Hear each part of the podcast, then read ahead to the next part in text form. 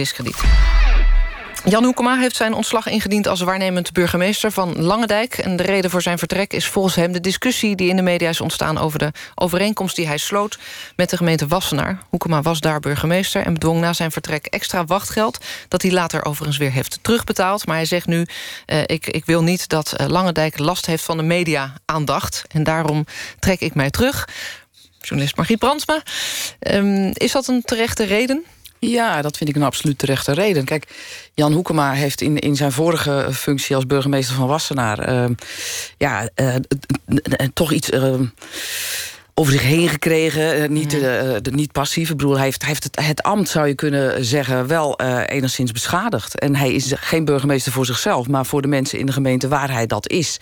Dus dat, ehm, dat hij nu zegt, ja, het is niet goed dat ik nog langer burgemeester ben, dat vind ik een terecht besluit. Ja. Absoluut. Ook, ook al heeft hij in die gemeente niet, niets fout gedaan. Maar hij haalt de media-aandacht aan, hè? Van ik wil niet ja. dat Langendijk lastig wordt gevallen met al die media-aandacht. Nou ja, maar dat gebeurt natuurlijk ook. Dat gebeurt natuurlijk wel. Als je daar woont, dan, dan weet je, oké, okay, dat is dus die man uit, uit Wassenaar. Die is nu onze burgemeester. Mm -hmm. Dus het straalt af ook op de gemeente waar hij nu ja. waarnemend burgemeester is. Maar is het bij hem of bij de, bij de media dan? Nou, ik, kijk, de media zijn natuurlijk, die hebben het niet verzonnen. Ik, uh, hij heeft iets gedaan en daar is veel aandacht. En kijk, dat dat, dat een enorme medialawine tot gevolg heeft... ja, dat weet je en dat heeft gevolgen. Dat, dat, dat, dat, ja, dat is, zo zit de maatschappij op dit moment gewoon in elkaar. Ja, dus dat vind ik niet... Ik vind niet dat je dat bij de media neer kunt leggen. Nee. André, André Sebrechts? Ja, als er, als er veel rumoer is rondom een politicus... dan moet hij inderdaad weg, denk ik. Hoor. Ja. Hij, hij, hij heeft deze gedragingen uh, gedaan. De media doet haar werk, doet haar werk goed... En dan, dan is het aan jou om weg te gaan. Maar er wordt ook wel ja. gezegd, de media zijn er tegenwoordig ook zo snel op gericht... om te, Wouter de Winter zei dat van de week ook nog rondom halve zelfstraat. Van het, is zo, ja. het wordt ja, zo maar... snel uitgegaan van een veroordeling. het is niet goed of deugt niet. Ja, weet je, het, het zijn de media verzint het inderdaad niet. Hè? Er liggen gedragingen aan de grond. Net als Van Zijlstra, dat vind ik toch wel ernstig hoor. Die, wat, wat hier gebeurd is. Zo'n man kan dan ook niet meer functioneren. Ik kan me dat goed uh, voorstellen. De, de media kan, het, kan er niet een hype van maken als er niks is, wat mij betreft. Margriet, jij zag ook een parallel met andere nieuwsgebeurtenissen nou ja, van het was inderdaad week. wel de week van. Hè? Wat, wat, wat, wat dat betreft, uh, Zijlstra is al even aangehaald. Mm. Maar je ziet het nu ook wel uh, heel actueel natuurlijk bij het NOC-NSF. Ook verwikkeld in een uh, ja, schandaal vier jaar geleden. Dus die, die, die poging tot matchfixing door Anema, die schaatscoach. NOC-NSF zegt, we hebben toen maatregelen genomen, berisping... juridisch gekeken of dat terecht is. Maar goed, het komt nu naar buiten. Ja. En dan kaarten ze het opeens wel aan weer aan bij het, bij het IOC. Dus dan gaan ze wel die stap zetten die ze naar mijn smaak... vier jaar geleden al hadden, hadden moeten zetten. En ja, je ziet ook weer dat daar nu weer... Uh, ja, dan kan je zeggen, ja, de media duiken er ook weer bovenop. Maar ja, het, het, het is, vind ik, ook wel enigszins laakbaar gedrag. Je wilt ja. dat die sport schoon is, vrij van schandalen. En dan neem je in mijn ogen niet de maatregelen... of vier jaar later de maatregelen... Mm -hmm. die je toen in Sochi al had moeten nemen. Maar goed, toen was het één groot gouden feest. En toen was het misschien ook niet zo prettig om met zo'n verhaal naar buiten te komen. En trouwens, ook vier jaar geleden had het NOC-NSF niet actief naar buiten hoeven te komen met het verhaal. Maar ze hadden natuurlijk wel moeten melden ze hadden gewoon Ja, precies. Ze hadden Absoluut. er werk van moeten maken. Absoluut. Dat is het belangrijkste. Ja. En dat is eigenlijk, Nick Vosterwaal, wat jij net aangaf... Van je, rondom het opzeggen van je donateurschap. Er moet iets gebeuren om de boel in beweging te krijgen. En ja, of dat dan media-aandacht is... Of ja, en uh, ik heb er soms wel moeite mee dat jaren na dato dingen worden opgerakeld, zeg maar. Uh, en, en, dat iemand dan uh, uh, dat wordt nagerekend hm. als die persoon zelf, zeg maar, inmiddels zeg maar, zijn leven gebeterd heeft. Dus daar heb ik wel problemen mee dat het op een, precies een bepaald moment wordt uitgekozen waarop iemand kwetsbaar is. En dan dingen van heel veel vroeger uh, uh, Ja, dat is met het geval van Anema. Als iemand, ja, maar zoals bij Zelstra... als hij dat jarenlang zelf ja. ook heeft volgehouden... Um, ja, daar zit ook weer een verschil in. Of, het echt, of er echt bewust over gelogen is... of dat er dingen niet vermeld zijn. Toch, Margriet? Ja, absoluut. Kijk, in Zijlstra, het is natuurlijk al, al, al inderdaad... ik meen naar 2005 dat, dat, uh, de, dat hij dat voor het eerst gezegd heeft. Dit is vier jaar geleden. Ik, ik ben het wel met u eens dat het wel heel toevallig is...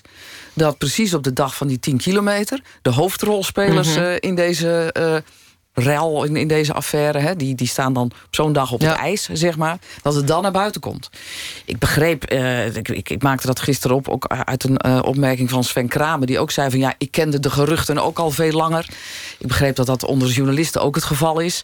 Ja, ik weet niet of het bewust is opgespaard... Tot, daar durf ik niks over te zeggen. Als dat wel zo is, dan denk ik... ja, dat, dat, dat klopt ook weer niet. Ja, maar... Op het moment dat je het weet, moet je het naar buiten brengen. Ja. Al was het ook maar, denk ik dan met mijn journalistieke hart... omdat anders uh, wellicht de kans heel groot is... dat er iemand anders met verhalen aan de haal gaat. Dan maar is het wel heel toevallig dat je precies de dag van de 10 kilometer... in één keer rondkrijgt als uh, Maar als, het nog alleen maar vage geruchten zijn... dan kan iemand ook heel erg beschadigen zonder dat er echt iets is. Hè?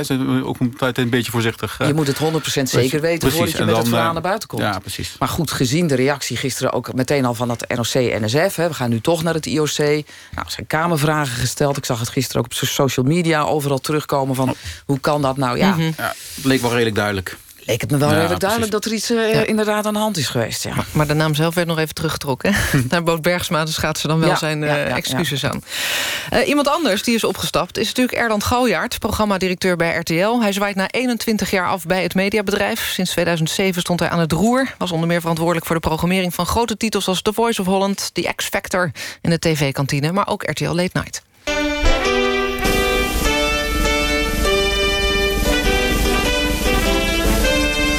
Hij was op Schiphol, dus is hij ook hier nu vanavond. We halen hem erbij, opa Leon.